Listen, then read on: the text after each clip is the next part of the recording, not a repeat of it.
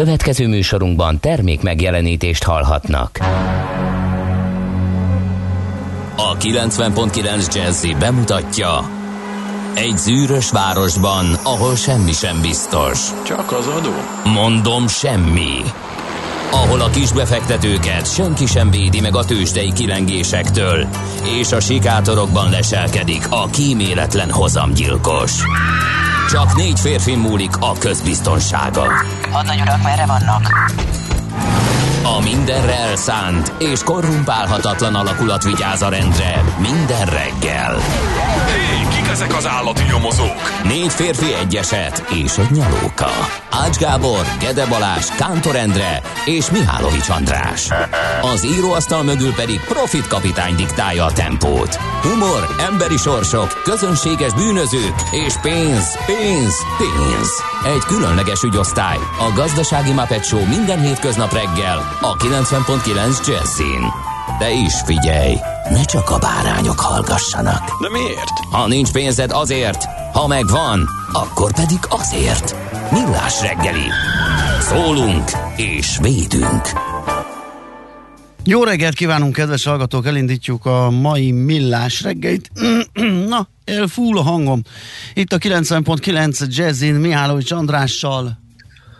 Hát de ezért fúlt el a hangod. És Ezért, de, de, Balázs amikor rá, ment a stúdióba. rádöbbentem, amikor láttam a, a közvetítésen, ami a millásreggeli.hu-n látható, hogy veled leszek, hát megmondom őszintén, hogy hát igen, ez lett az eredménye. Egyébként Az a baj, június... hogy mivel, hogy videóstream is van az adáshoz, máskor jobban ügyelj a szettedre, ezt hébe-hóba televíziózó emberként mondom, mert a piros felsőt beleolvad a piros háttérben, be így csak egy Tolkien kedet lehet látni. Nem, ez nem igaz, mert direkt figyeltem arra, hogy egy árnyalattal, tehát ez nem piros, hanem hát ezt nem tudom, ez valami nagyon sötét barack, vagy nem tudom mi ez. Tehát azért én ügyelek a Ha részletekre. gesztikulálsz, jobb a helyzet. Igen. Csak mondom. Jó, mert akkor két kéz, meg Ja, egy igen, akkor látsz. két kéz is látszik, igen. Oké, okay, június 3-a van egyébként csütörtök reggel fél hét múlt egy perccel, és elmondjuk az elérhetőségeinket is 0630 20 10 9 9 SMS, WhatsApp és Viber szám ez, és persze, hogy jött már üzenet, 5 óra 22-kor írt nekünk Na, hát mi? Le Pa and Pa. Azt mondja, hogy kicsit Álmoska utcák, ja, és Morgan Freeman kartársak, most irrelevánsan kevés a dobozos verzió, a klinikák ülői körút Baros Rákóczi szakaszon maradhatna. Fogalmazza meg kívánságát. Le Na, ez egész egyértelmű. Máskor Igen. sokkal nyelvtörösebben szokott igen, fogalmazni. igen, igen. D-kartárs is írt nekünk kis optimista, jó reggelt kartársak, borongós időben Budapest felé erősödő forgalom mellett lehet közlekedni Vácról Pestre minden szakaszon, jelenleg 29 perc menetidő, Zugló Hermina mezőre jelenleg. Az rossz.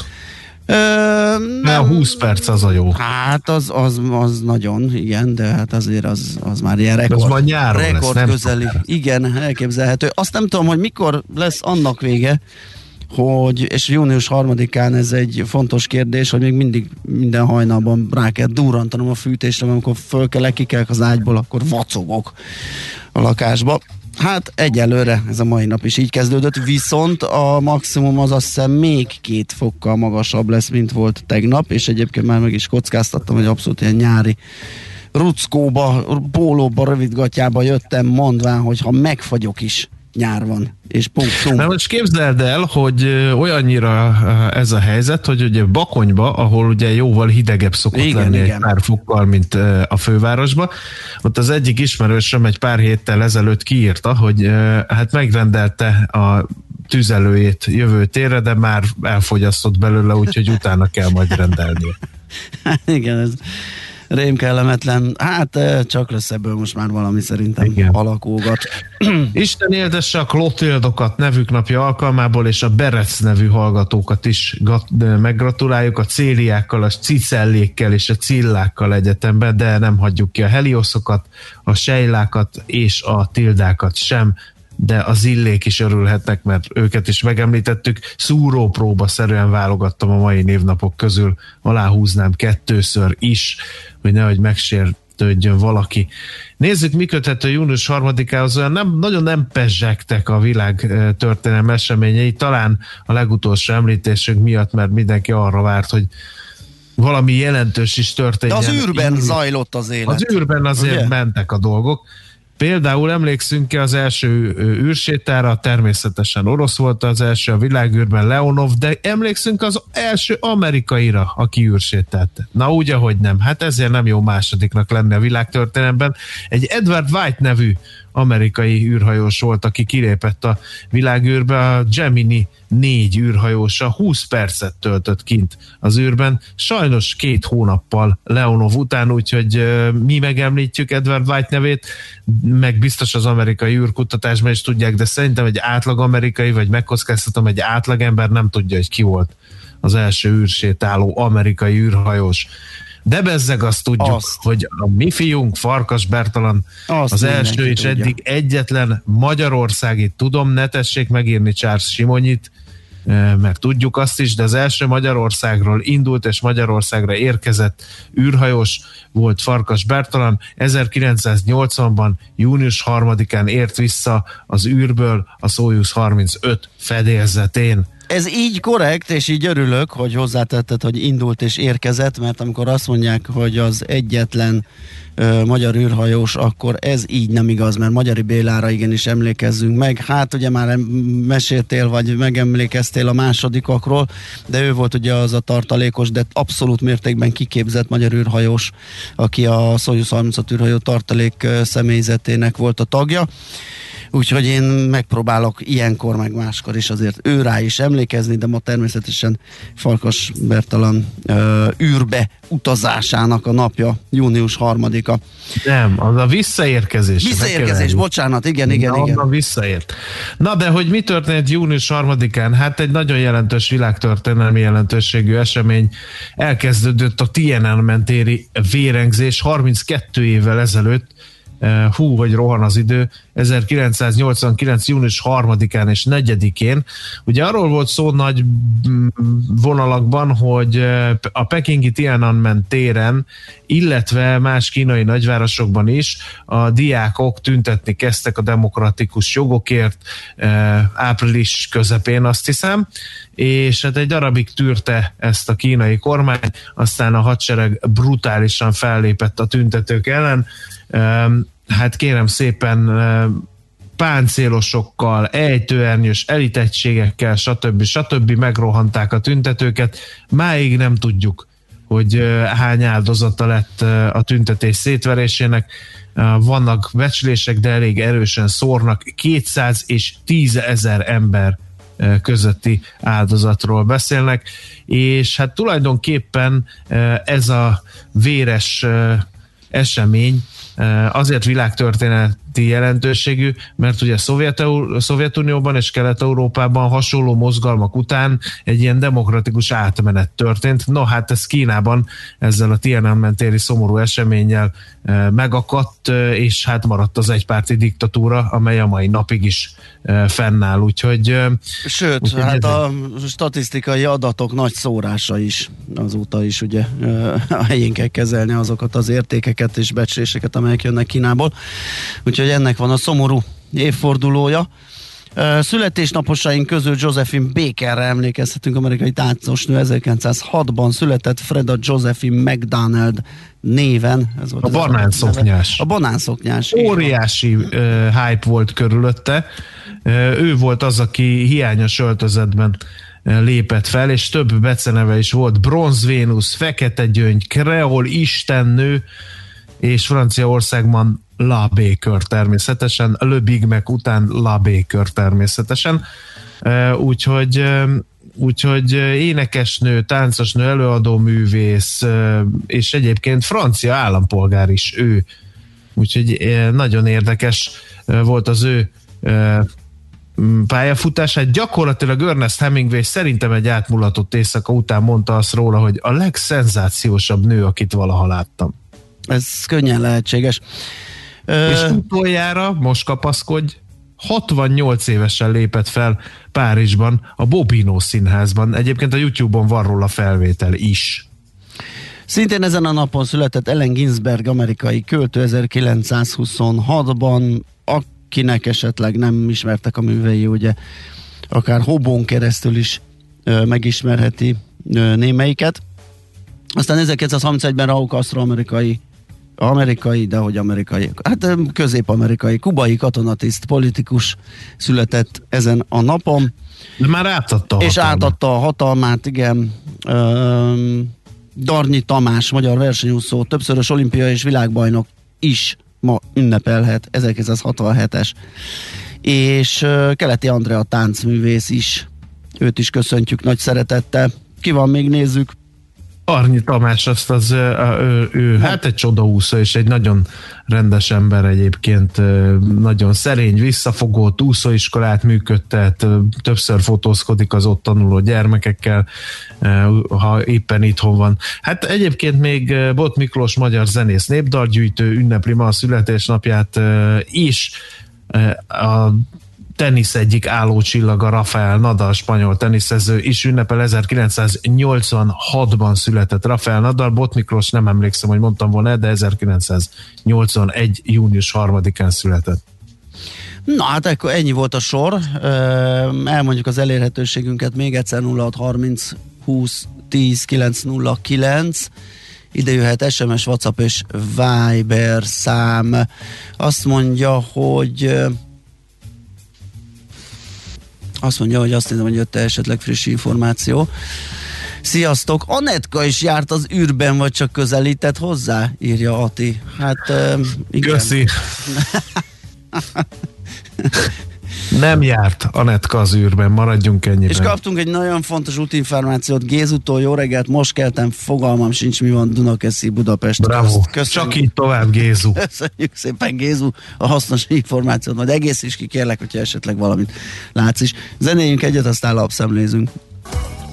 Ez a Millás reggeli itt a 9.9 Jazzy Rádión, és a napi.hu-t szemezgetem, vagy abból szemezgetek annak a cikkeiből, és azt látom mai egyik vezetőjük, hogy jól látszik az, hogy mennyire kiszúrt a kormány városokkal, magával azonban kesztyűs kézzel bánt, és ezt akár abból is le lehet mérni, hogy miközben ugye az ingyenes parkolással szerette volna az autózás felé terelni az embereket a tömegközlekedés helyett, addig az autópálya használat ingyenesítétele fel sem merült annak érdekében, hogy csökkenjen a helyközi járatok kihasználtsága.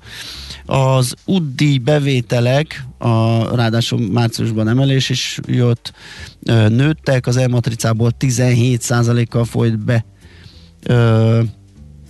hogy volt, az, új, az UDI bevételek nőttek, az elmatricából 17%-kal folyt be kevesebb pénz, a parkolási bevételek 38%-os esése pedig arról árulkodik, hogy az önkormányzatok valóban nagy érvágást volt a pénz megvonása.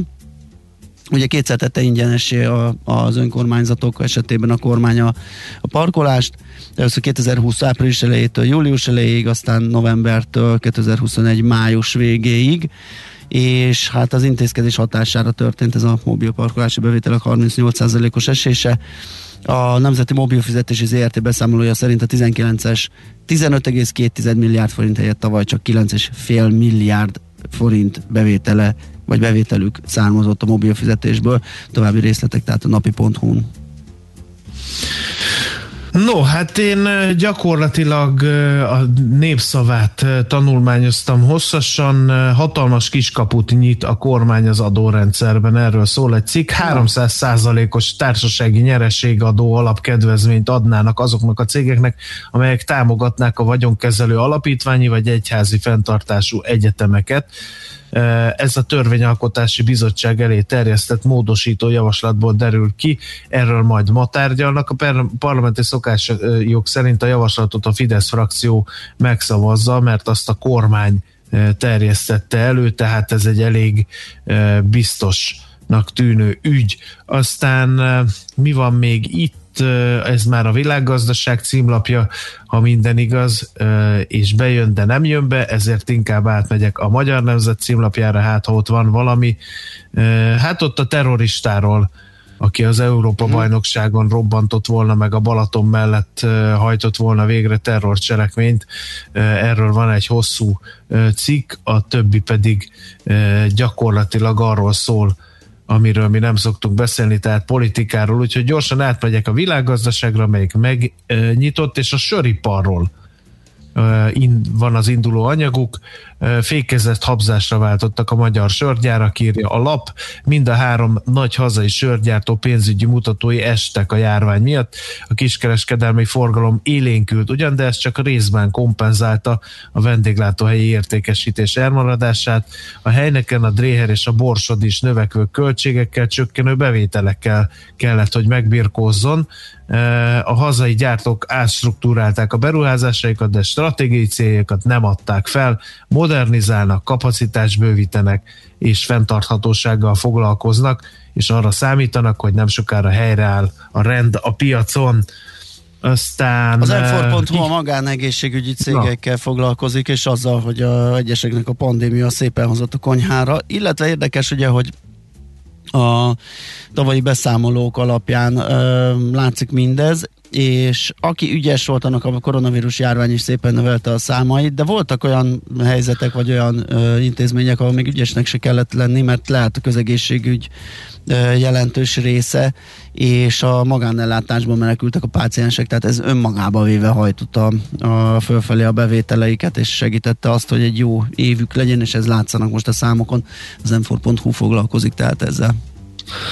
Aztán a luxus hotelek nagyot veszítettek a pandémián, Például ezt is a világgazdaság írja röviden idézem, hogy a Dunaparti ötcsillagos Intercontinental tavaly például forgalmának 75%-át veszítette el. Aztán OK és utáni világ még népszerűek azok az OK képzések, amelyek futnak, annak ellenére, hogy jelentős átalakítás történt a szakképzésben. A szakmai, edzés, meg, szakmai edzék megjelenésével alapszakmát iskolában lehet csak tanulni, de újdonság, hogy a felnőtt képzésben elválik egymástól az oktatás és a vizsgáztatás is úgyhogy úgy látják egy világgazdaság idéz egy cégvezetőt, aki szerint egyre több külföldön dolgozó magyar jön haza, többségük olyan szakképzésre jelentkezik, amelyek hosszabb távon is jó kereseti lehetőségek kecsegtetnek. Úgyhogy nagyjából ez nem volt valami acélos a mai felhozatal. Igen, próbáltuk azért színesé tenni, szerintem ez így nagyjából sikerült is, úgyhogy a következő zene után megnézzük, hogy mennyire volt színes a tegnapi kereskedés a tőzsdéken. Hol zárt? Hol nyit? Mi a sztori? Mit mutat a csárt? Piacok, árfolyamok, forgalom a világ vezető parketjein és Budapesten. Tősdei helyzetkép következik. Hát a Bux fejebb gyötörte magát 37 ponttal, az 8 század százalék, 46.736 pontra, és akkor ha tegnap eh, előtt történelmi csúcson zárt, akkor ez újabb, ugye?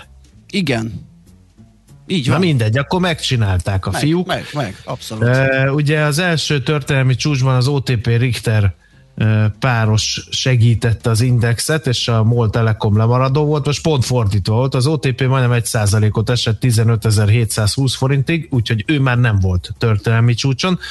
A MOL viszont erősödött 2,1%-kal 2380 forintig, a Richter esett majdnem 7 ot 7975 forintot értek a papírjai, záráskor a Telekom pedig 0,9%-ot erősödve 405 és fél forinton zárt. A nyertesek közé feliratkozott azonban a Masterplast is, amely megint remek napot tudott maga mögött 1,7%-ot drágultak ugyanis az építőipari anyaggyártónak a papírjai, és hát nézem a nyertesek, vesztesek táborát, hogy értelmezhető forgalomban volt még valami, de ott nem, úgyhogy átpasszolnám neked a lehetőséget, Balázs. Jó, hát itt egyszerűbb a tengeren túlon a nyertesek táborát nézegetni, mert az EMC mindent vitt tegnap, ugye a moziipari szórakoztató. Mert hogy?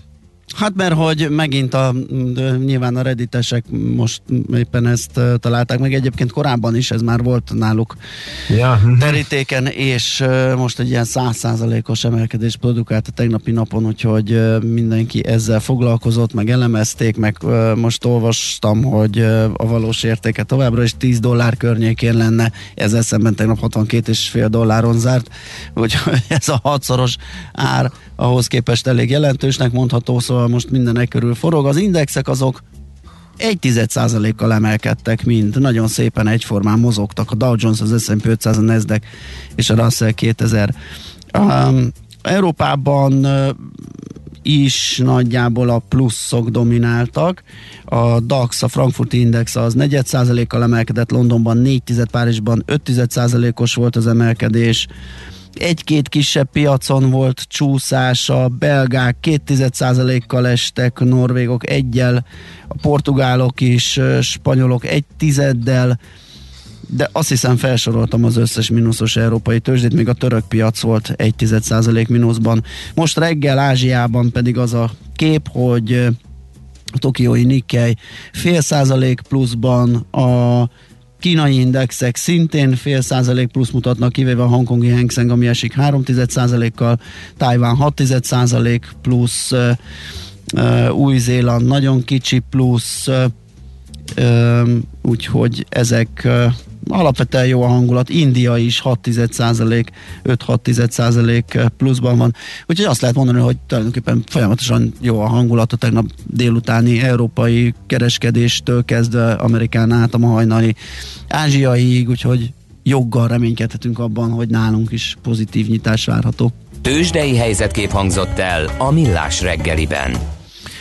Na, nézzük, azt mondja, hogy rádurrantani a fűtésre, nem inkább a hűtésre? Ne hazudtod meg Grétust. Hm. Kérem. Igen, ezt kaptam, nekem is még egy kicsit ezt így emészgetni kell. Aztán, jaj, tényleg még egy dolgot nem mondtam, hogy tőzsni, a, a Tesla kérlek szépen bejegyeztetett három ö, éttermi szolgáltatáshoz fűződő szabadalmi jogot a Elon Musk és most megy a találgatás, hogy miben sántikál. Ez volt még egy érdekes hír, amit láttam. Valaki beszélhetne már az emberrel. Mit?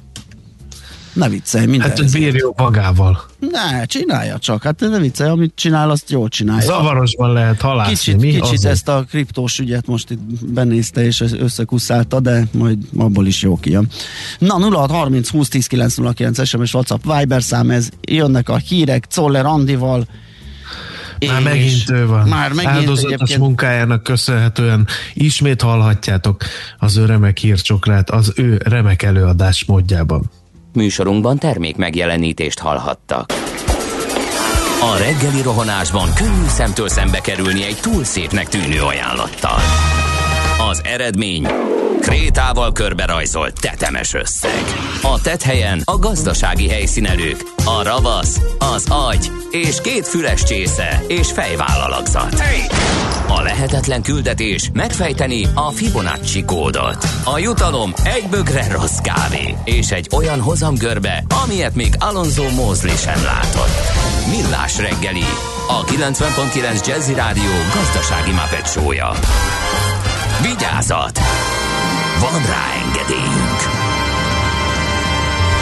Szép jó reggelt kívánunk mindenkinek, ez a Millás reggeli itt a 9.9 Jazzy Rádió június 3-án csütörtökön reggel, negyed, 8 előtt 3 perce Miálovics Andrással. És Gede Balázsjal. Jó reggelt kívánok, jó magam is. Nézzünk közlekedést, mert van felforgás. Nézzük, nézzük. Budapest legfrissebb közlekedési hírei, itt a 90.9 Jazzin. Mert hogy sajnos két baleset is történt. Az egyik a Könyves Kálmány körúton a Rákóczi út felé a Soroksári úti felhajtónál, a másik pedig az Ajtósi Dürer soron, ahol a Stefánia útnál a Dózsa György út felé kell fennakadásra számítani. Hát a hallgatóktól nem kaptunk infót, az útinfon pedig azt írja, hogy erős a jármű mozgása a főváros felé vezető főbb útvonalakon.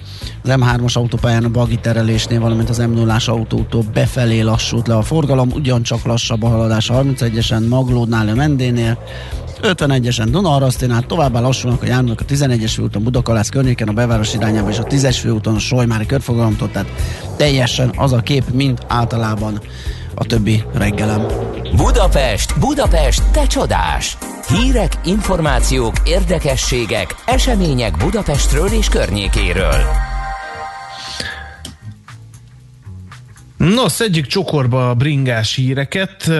Budapesti kerékvár, kerékpáros útvonalakat terveztetne a BKK a hírek szerint. Négyről van szó. Ajánlati felhívás jelent meg ezekkel kapcsolatban az Európai Uniós közbeszerzések oldalán. Az utak az Európai Kerékpáros útvonalhoz, az Eurovelóhoz csatlakoznának azt mondja, a főváros területén már meglévő Dunamenti kerékpáros utakat fejlesztenék, valamint még a hiányzó Dunapart és Budapesti Balaton Budapest és Balaton közötti útvonalakat e, szeretnék e, megépíteni. Az egyik kerékpárút Északpesten épülne, az újpesti Bagária utcától a Megyeri csárdáig, valamint az Ártéri erdőtől az Északi vasúti hídig, ez két és fél kilométer. A másik szakasz Észak-Budán, a Békes-megyeri Barátpatak és a Lánc híd között, ez 13,3 kilométer hosszú lenne és Dél-Budán, Budafok és Albertfarva határán lévő Mezőkövesd utca, valamint a Nagytétényi Kampóna utca között jöhet létre majd új kerékpárút. Ez 10 km hosszúságú lenne, és egy 7 km hosszú kerékpáros útvonalat terveznek a 11. és a 22. kerület határán is, a Honfoglalás út és a Hosszúréti patak mentén, úgy, hogy mindkét végén kapcsolódjon a már meglévő kerékpáros útvonalakhoz kérem szépen, most gyorsan elsoroltam, hogy mi a lényege ezeknek a fejlesztéseknek, és akkor még egy kerékpáros hír, ha már szóba került a bringázás, lesz idén iBike, kérem szépen, a kerékpáros felvonulásról van szó, aki nem tudná, még hozzá június 26-án 14 órakor a Budai alsó rakpartról indul majd a menet, és a Pesti rakpart érintésével az Andrássy úton keresztül a Városligetbe fog érkezni. Aztán az aut, uh, alapjárat.hu autós közösségi um, portál csinált egy felmérést a Budapest legtrágyább útszakaszairól, és uh, hát megkérdezte az olvasóit, hogy melyek szerintük budapesti közutak legramotyabb a legramatyabb állapotban lévő budapesti közutak, és a dobogón három olyan útszakasz szerepel, amelyekről szerintem majdnem mindenki hallott. Tizedik kerület Kozma utca, ugye a temetőtől Jászberényi útig tartó szakasz, és itt kép is van, láthatóan nagyon rajtos gyakorlatilag, ez már nem is kátyú, hanem ilyen cserepesre törött mállott. A 11. kerület szilas pihenőhely szintén nem néz ki jól, toldozott, foldozott, mint ahogy a 11. kerület repülőtéri út, hát ez is ilyen dirib darabok, láthatóan már nagyon sokszor megpróbálták összetapasztani azokat a darabokat, amelyek szétváltak gyakorlatilag a, a felezőnél is szétnyílt az aszfalt, repedezett, a széle letördelt, úgyhogy ezek lettek azok a dobogós ö, helyezésű ramatyutak, amit az alapjárat.hu olvasói szavaztak meg. És még van valami. Hát igen, méghozzá béredezik a fővárosban a koncerteknek a piaca, legalábbis az egyik fajsúlyos szereplő újra koncertektől lesz hangos, ez pedig a Budapest Park, mert hogy a hétvégén újra koncert lesz a nagy színpadon, május utolsó hétvégén megnyitották a kapuikat. A nyitó hétvégén a Vad Fruttik után június 5-én szombaton a Margaret Island, június 6-án vasárnap pedig a Honey Beast áll majd színpadra, és már most tudni, hogy október közepéig meghosszabbították a szezont. Hát gyakorlatilag az összes közönség kedvenc fellép majd a Budapest parkban, a koncert után meg majd lehet táncolni és tovább. Például június 5-én egy nagyszabású Nets parti eh, lesz majd a Budapest Parkba, és kisfilmet is készítenek, amelyben a zenészek tőlük szokatlan helyzetekben láthatók. A videót a személyes emberi kapcsolatok és a fellépők parkhoz fűződő emlékei ihlették, olvasom a közleményben. Na hát akkor ennyi volt, zenélünk egyet, hogy utána átnézzük, hogy a magyar bankok hogyan állnak a digitalizációval. Szombati Anikót fogjuk felhívni a Magyar Nemzeti Bank digitalizációért és a fintech szektor fejlesztését felelős ügyvezető igazgatóját. Nekünk a Gellért hegy a Himalája. A Millás reggeli fővárossal és környékével foglalkozó robata hangzott el.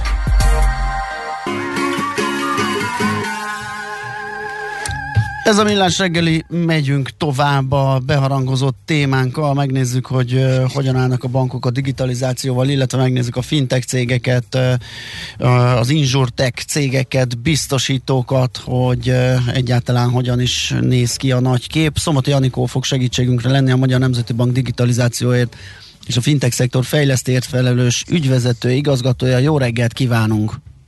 Jó reggelt kívánok! Na hát most tette közzé ugye ezt a friss jelentését a, a jegybank, a Fintek és Digitalizációs Jelentés 2021 május címmel. Mit lehet elmondani, mit, mit, mit mutat a nagykép, mekkora a lemaradás, vagy felzárkózás, esetleg vannak-e pontok? Hát például volt-e olyan, mint amit más ágazatokban tapasztalatunk, hogy a koronavírus felpörgette a digitalizációt, így volt a bankoknál is?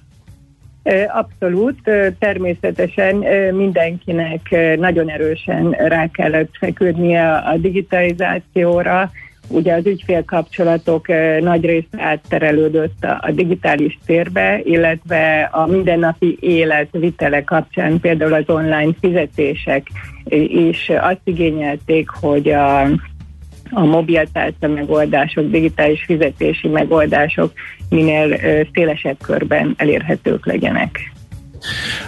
Mennyire lehetnek ezek a változások tartósak?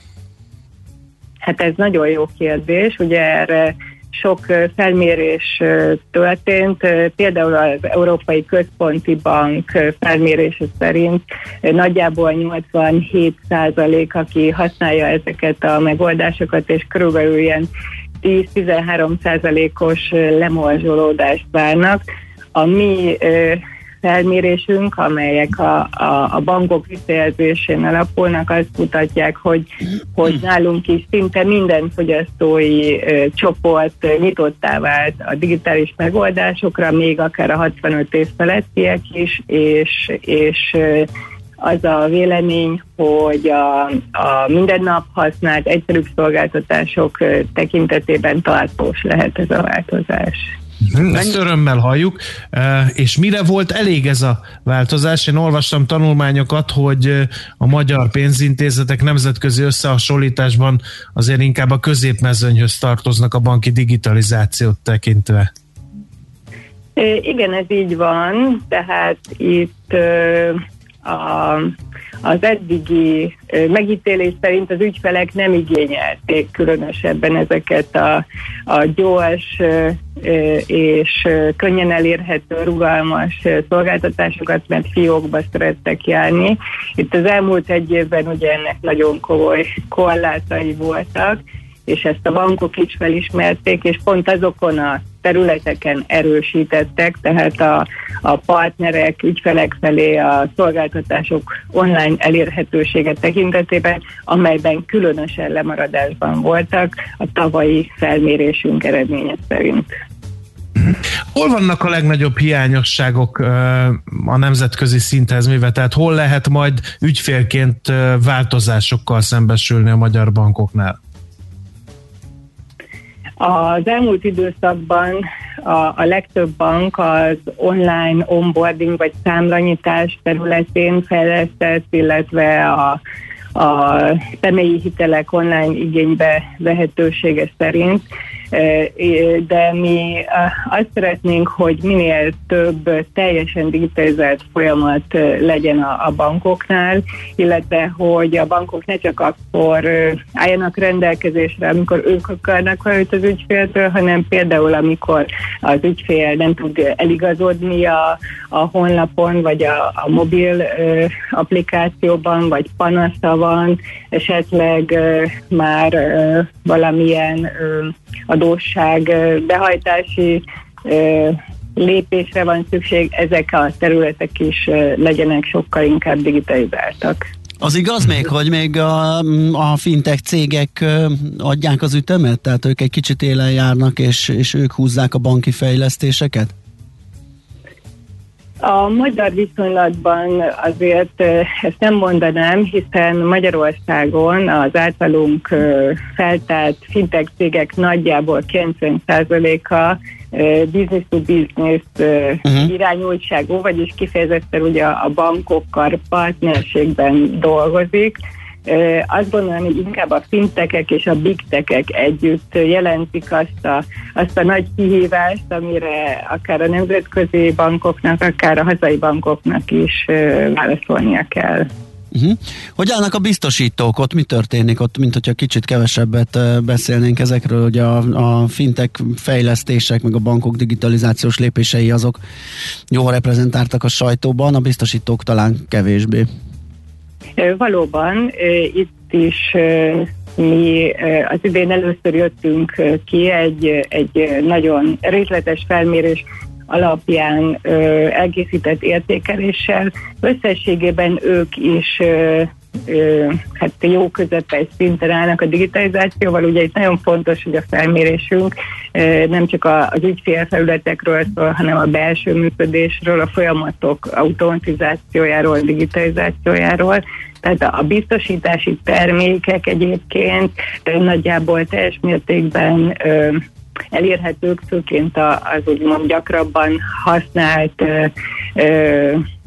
termékek, például utaz, utasbiztosítás, lakásbiztosítás, uh-huh. még nagyjából a, a ö, ö, vagyonkezeléssel kapcsolatos szolgáltatások is, ahol viszont szükséges még fejleszteni, azok pont a vállalati ügyfelekkel kapcsolatos ö, ö, felületek, eljárások. Mi a helyzet a kiberbiztonsággal? Ugye a digitalizáció kapcsán ez mindig meg, megfogalmazódik kérdésként, és főleg egy ilyen gyors tempójú fejlesztés, amit itt a járvány gyakorlatilag elősegített a járványhelyzet. Felmerül a kérdés, hogy tudott-e lépést tartani a, a kiberbiztonság ezzel a tempóval?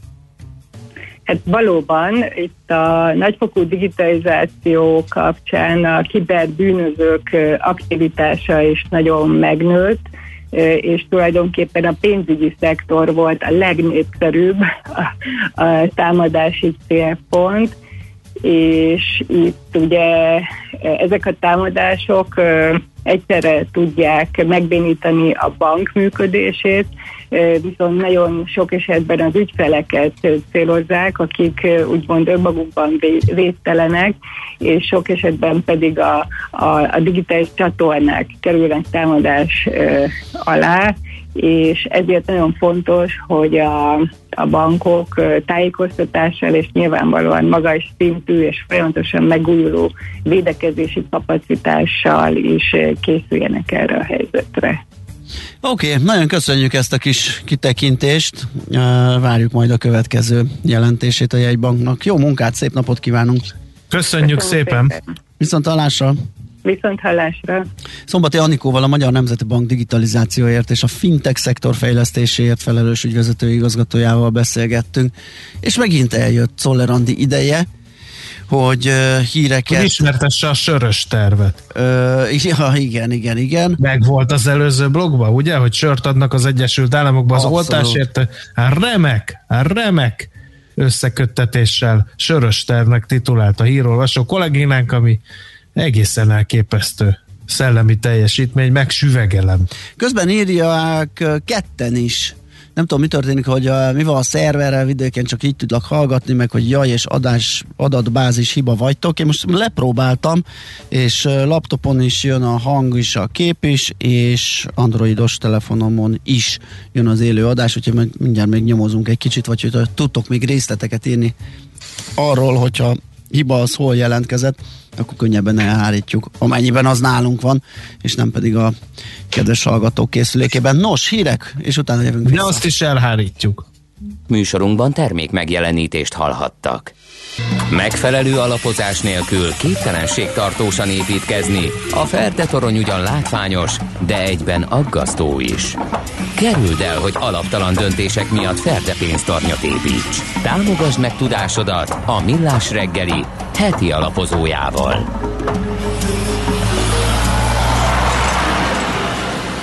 Egy izgalmas történetről fogunk mesélni nektek, azt, hogy Pfizer, BioNTech szerintem, vagy BioNTech, azt nagyon sokan, sőt, nem tudom, van-e itt ember, aki nem hallotta ezt a párost, sőt, szerintem nagyon sokan ismerik már valahogy, vagy találkoztak, hallottak Karikó Katalinról, de azt, hogy ez a két cég hogyan talált magára, kik vannak mögöttük, mi a történetük, na ez már talán kevesebb nyilvánosságot kapott, vagy legalábbis kapott, csak nem mm, ért el mindenkihez, úgyhogy erről fogunk beszélgetni Jónap Rihárdal, az Akkord Alapkezelő ZRT portfólió menedzserével. Szia, jó reggelt! Sziasztok, jó reggelt! Na honnan ez a házasság? 2018-ból, amikor az influenza ellen kezdett el együttműködni a két cég egy vakcina fejlesztésen, ugye a BioNTechnek 11 különböző klinikai stádiumban lévő ö, fejlesztése van a rák ellen. Alapvetően ez az mRNS technológia, ez már a 90-es évek közepe óta foglalkoztatja a BioNTech-et vezető török házaspárt Ugur Sahint és Özlem Türecit, és... E, bocsánat, már akkor itt megborul ugye az a, az a kifogás. Azt hittük, hogy német a cég, igen. Német-amerikai együttműködés. A német-amerikai együttműködés az de facto, hogyha a cégek vezetését nézzük, tehát hogyha a két cég vezetőjét nézzük, akkor egy török-görög együttműködés. Ugye, Na már, a német-amerikai, igen. A német-amerikai az egy török-görög együttműködés. A, Ami a megint csak a... pikás, mert a két nép az nem nagyon van jóba egymással, ugye? Ezt tudjuk. Hát Hát nem, nem, nem igazán. Itt viszont, itt viszont egy parádés az üzleti kapcsolaton túlmutató barátság is született a két úri ember között. Korban nagyjából egyformák, tehát az Ugur Sahin, a BioNTech vezetője 55 éves volt, tavaly a Albert Burla 59 éves, és az a félelmetes, hogy egészen elképesztően gyorsan felismerték azt, hogy a BioNTechnél már január 25-én még, még kvázi csak Wuhanban voltak esetek, a 1968-69-es hongkongi influenza járványhoz hasonlította már egy hét után az esetet uh, Ugur Shahin uh, a BioNTech Mainz központjában, és bemondta, hogy ebből globális pandémia lesz, és bemondta azt a kollégáinak, hogy az ő általuk alkalmazott mRNS technológia, amit ők fejlesztenek a rák ellen, eleve volt egy nagyon érdekes dolog itt a, a rákellenes gyógyszerrel kapcsolatban, hogy ez a török házas pár, akiket az vitt a rákellenes gyógyszer fejlesztése felé, hogy látták a, a, az egyetemről kikerülve a végstádiumban lévő rákos betegeket, hogy már nem tudott a kemoterápia segíteni rajtuk, és ők erre tették fel az életüket, hogy tulajdonképpen úgy tekintenek a rákra, mintha egy kórokozó által terjesztett betegség lenne, és a szervezet immunválaszát próbálják meg rá kiváltani.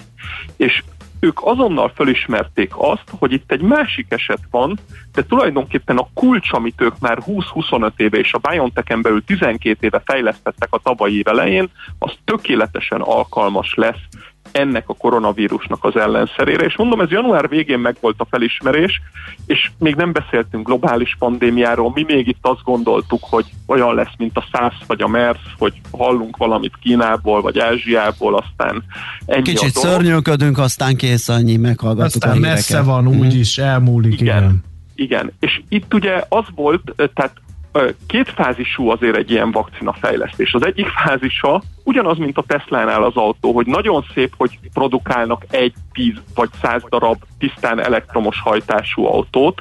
Nagyon szép lett volna, ha produkálnak pár millió, akár 10 millió, 50 millió, 100 millió vakcinát. Jelen pillanatban már két milliárd oltásnál tart a világ. Tehát ez nagyon szép lett volna, ha ők produkálnak vakcinát, de nem tudják tömeggyártani. És itt jött be a történetbe a másik ö, nagy vállalati esettanulmány, amit én tényleg ajánlok mindenkinek tanulmányozásra, amit a Pfizer-nél az Albert Burla csinált meg. Mind a két vállalatvezető semmi más nem csinált, én így szoktam megfogalmazni, mint a lelkitárs hajcsár típusú vezetést alkalmazta. Jürgen Klopp szerintem erre a tökéletes példa a Liverpool vagy korábban a Dortmund edzőjeként, hogy elképesztő teljesítményt présel ki a játékosokból, itt pedig ugye a, a gyógyszercégek alkalmazottaiból, de mind ezen teljesítmény kipréselése mögött egy, egy megértő és, és olyan vezető, aki érti is az emberek problémáit ezzel kapcsolatban. Tehát egy hét után, tehát január 25-én volt meg ez a BioNTech-nél, hogy akkor ők erre gyógyszert fognak fejleszteni. Egy héten belül lemondották mindenkivel az összes szabadságát, ami 2020-ra volt. Hú. És március 1-re meg lett a szerződés a Pfizer-rel, március 16-án pedig a Pfizer all ment ebben a témában, és azt mondta, hogy 3 milliárd dollárt is rááldoznak ennek a vakcinának a fejlesztésére. Egy normál vakcina fejlesztés 10 év alatt 1-2 milliárd milliárd dollárba kerül, és, és, és beindították tökéletesen ezt a, ezt a projektet, szinkronizálták a kettes és a hármas fázisát a fejlesztésnek, rengeteg bravúrt kellett végrehajtani ott, onnantól kezdve, hogy senki nem tudta, hogy milyen lesz az mRNS vakcina, új gyártósorok kellettek több millió dollár értékben, a hűtést meg kellett oldani, és volt egy egészen apró kicsi probléma, a vakcina struktúrájához kellett egy lipid nanorészecske, amit egyes egyedül egy 90 fős Klostermaiburgi osztrák cég produkált a világban. Uh, Tehát itt a, a globális az igen. a globális bottleneckekben megvoltak ezek a a, a helyzetek és dolgok, és ezeket mind-mind felül kellett írni, ráadásul nem az volt, hogy kényelmesen 8-10 év alatt kellett a vakcinát fejleszteni, és lépésről lépésre, hanem az összes lépésnek együtt kellett menni. Tehát a burla már azt tervezte, hogy már mire az eredménye kijön a harmadik fázisnak, ami ugye tavaly november 8-9-én jött uh-huh. ki, hogy mire az eredmény kijön, addigra már legyártott mennyiségnek kell lennie. Ő március 16-án azt tűzte ki a Pfizer elé, hogy fél éven belül meg kell lennie a vakcinának, és 100 milliót le kell gyártani a 2020-as év végére. 74 milliót sikerült legyártani, 46 millió vakcinát sikerült beadni, és megcsúsztak az emberek egy közel két hónappal. És ami nekem a nagyon-nagyon nagy tanulság volt ebben az egészben, a Harvard Business Review jelent meg az Albert Burlának nemrég pár hete egy visszaemlékezése, hogy, hogy, hogy mik voltak az ő fő tanulságai ebben a történetben. És, és itt azért nagyon-nagyon érdekes az a dolog, amit, amit ő kifejtett és, és elmondott, hogy a lehetetlennek tűnő kihívások, amik a helyes célhoz kapcsolódnak, felvillanyozóak. Tehát mind a hat hónapos kitűzött idejű vakcinafejlesztés, mind a tömeggyártás villámgyors beindítása, mind pedig a szibériai téli hideg hőmérsékleten történő tárolás kérdései megoldhatatlannak tűntek. Tehát sokan nem is hitték, hogy ez megoldható, ám végül megtalálták a lehetetlennek tűnő küldetésnek ezt a megoldási képletét.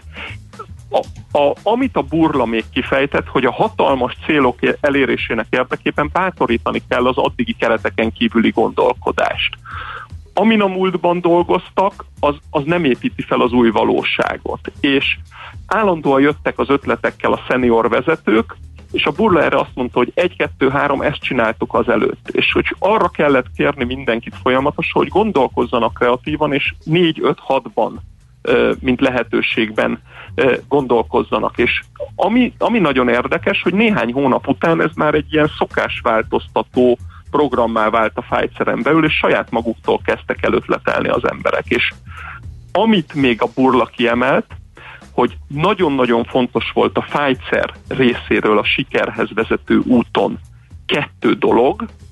Egyrészt, hogy a Pfizernek a tudósait, kutatóit, fejlesztőit mentesítették a pénzügyi megfontolások súlyától, a másik tanulság pedig, hogy felszabadították őket a túlzott bürokrácia hatásai alól.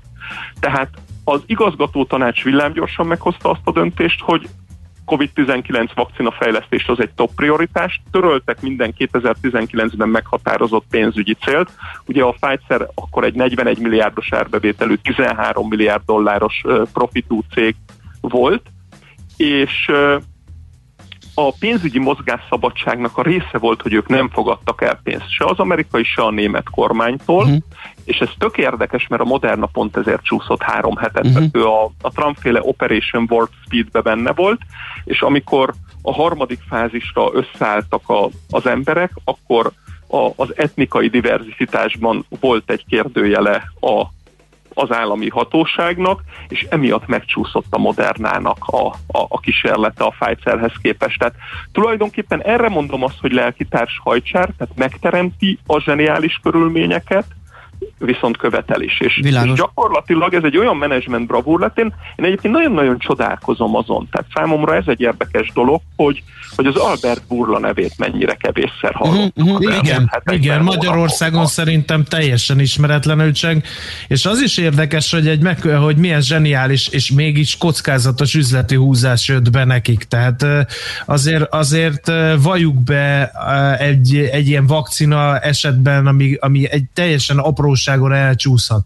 És ugye látjuk a másik vakcinagyártónál, hogy felmerült a gyanúja valaminek, és már megingott a bizalom.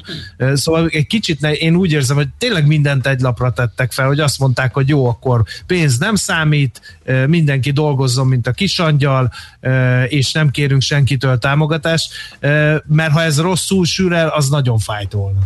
Nagyon fájt volna, viszont ezt be is mondták, hogy nem érdekli őket, ha a gyártósorokat ki kell tenni, ha az elkészült vakcinákat, itt másfél millió darab vakcina már el volt készülve, amikor az eredmények kijöttek, és ha mindent ki kell dobni, ezt március 16-án a Pfizernek azon a hétfői igazgató tanácsülésén be lett mondva az all-in, ami azért még mindig nem all-in, tehát gondoljuk még ezért kellett a BioNTechnek a partner, mert 3 milliárdot lehet, hogy a Pfizer ráköltött volna erre a vakcinára, de a 12-13 milliárd dolláros Igen. profitjához képest azért ez egy masszívan bevállalható tét, pláne úgy, hogy ugye rengeteg originális gyógyszerének a szabadalma az lejárt a 18-ban, 19-ben, tehát pont a burlának 19 elején úgy kellett áttenni a céget, hogy az árbevétele azért szignifikánsan uh-huh, visszaesett a korábbi évekhez képest, tehát ő érezte azt, hogy eljött élete lehetősége, és tud dobbantani egy nagyot, itt, itt ugye kellett az, hogy, hogy, hogy az egész technológia mögött azért ott volt már a, a több évtizedes kutatás. Igen, tehát ugye itt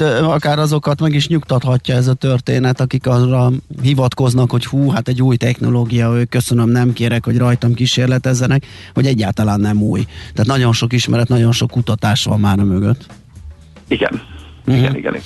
A hát egyébként, egyébként... egyébként tök furcsa, hogy az eszetekbe jutott már, hogy a Pfizer esetében ugye ezt is egy rákellenes kutatásnak indult, és lám mi lett belőle, Covid elleni védőoltás. És az megvan, hogy a másik termékük, a kis kék pirula, az meg az, az is teljesen másra készült, indult, mint amiből aztán világ siker Egy mellékhatás miatt Igen. lett belőle nagy forgalom. Igen. Igen. Igen. Egyébként a BioNTech jövőjét tudjuk a Pfizernél? Tehát ők most ezzel nagyon jól jártak, nem, nem csak... E... A, a, BioNTech, a BioNTech szerintem a BioNTech-et már azért veszik a tőzsdén. Én nem is tudom most pontosan mennyi a, a, a market cap, de már ilyen 48-50 milliárd volt, amikor legutoljára ránéztem, és egy óriási fölfele menetelés volt a, a, az árfolyamban, már 53 milliárd dollár tér, és például nagyon érdekes, tehát ez a török házas pár, ez teljes ilyen ö, elkötelezettségben van a tudomány iránt, tehát még most sincs autójuk, ö, nem érdekli őket az egésznek a pénzügyi része, és a BioNTech most bemondta a másik ólint, hogy mindent, amit ebből keresnek a rákutatásra fogják szánni, és a mhm. rákgyógyszereknek a kifejlesztésére, de most már ugye ilyen 8-8,5 milliárd dollárral Németország egyik leggazdagabb házaspárjai ők, és ez az Ugur Sahin, aki mentes volt minden ilyen dologtól, azért már bevallotta, hogy már néha ránéz a részvény árfolyamra. Tehát van az a, van az a helyzet, ahol már eljön az, hogy érdekessé válik ez a történet is. Világos. Hát Ricsi, nagyon-nagyon köszönjük, hogy, hogy mögé nézhettünk, láthattunk ennek a sztorinak, mert nagyon izgalmas, és tényleg kevés, kevés fókusz esett erre, és teljesen, teljesen... Az emberi részére. Az emberi igen. részére, és, és a teljesen joggal meg kell, hogy emlékezzünk róluk is. Úgyhogy köszönöm még egyszer, jó munkát és szép napot kívánok. Én is köszönöm szia, szépen, szia. szép napot nektek is mindenkinek. Jónap Rihárdal, az Akkord alapkezelő ZRT portfólió menedzserével beszélgettünk a Pfizer-BioNTech sztoriról. Heti alapozó rovatunk hangzott el a Millás reggeliben, hogy döntéseinket megfelelő alapokra tudjuk helyezni. Ez a Millás reggeli továbbra is itt a 90.9 Jazzy nép, csak egy pillanatra kukkantottunk vissza a hírek előtt.